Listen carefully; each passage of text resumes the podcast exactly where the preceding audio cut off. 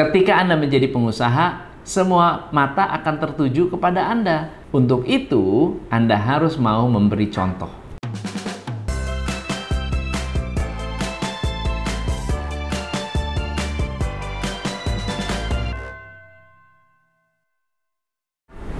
Teman-teman menjadi seorang pengusaha itu berarti Anda baru saja mendaftarkan diri untuk menjadi seorang leader. Saat Anda pertama kali memulai bisnis, tidak ada istilah tidak mau atau tidak bisa memimpin. Ada 10 poin yang penting yang harus Anda kuasai ketika Anda memulai sebagai leader di dalam bisnis Anda. Poin pertama adalah Business is leadership. Memulai bisnis artinya Anda harus menjadi pemimpin. Bisa menjadi pemimpin tim, pemimpin pasar. Keputusan itu sudah harus Anda ambil ketika Anda memulai sebuah bisnis. Yang kedua, leaders are helpers. Leader harus mau membantu. Leader esensinya adalah penolong. Kalau Anda bisa menolong tim Anda menjadi lebih baik, Anda akan menjadi leader yang direspek lebih baik lagi oleh tim Anda. Leader akan menjadi pusat perhatian. Ketika Anda menjadi pengusaha, semua mata akan tertuju kepada Anda. Sikap baik, sikap buruk pasti ditiru. Untuk itu, Anda harus mau memberi contoh. Walaupun Anda adalah pusat perhatian, tapi tim akan mensukseskan bisnis Anda. Kita boleh memimpin, tapi yang menjalankan adalah orang-orang yang berada di dalam bisnis kita.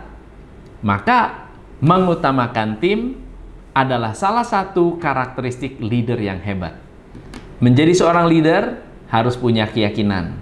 Keyakinan akan menularkan keyakinan lagi. Kalau Anda yakin bisnis Anda maju, keyakinan Anda akan menular kepada tim Anda. Tim Anda akan yakin bahwa bisnis akan maju. Kalau Anda yakin produk Anda the best, keyakinan Anda akan menular kepada tim Anda yang juga meyakini produk Anda the best. Semangat juga menular. Semakin semangat, semakin Anda akan merasakan energi Anda menular kepada tim, kepada supplier, dan kepada customer. Yang ketujuh, ketenangan Anda akan menular. So, sebagai business owner, Anda akan menghadapi banyak masalah. Anda akan menghadapi banyak tekanan. Tetapi leader yang hebat tenang seperti batu. Tenang dalam menghadapi cobaan dan ketenangan Anda akan menenangkan karyawan Anda.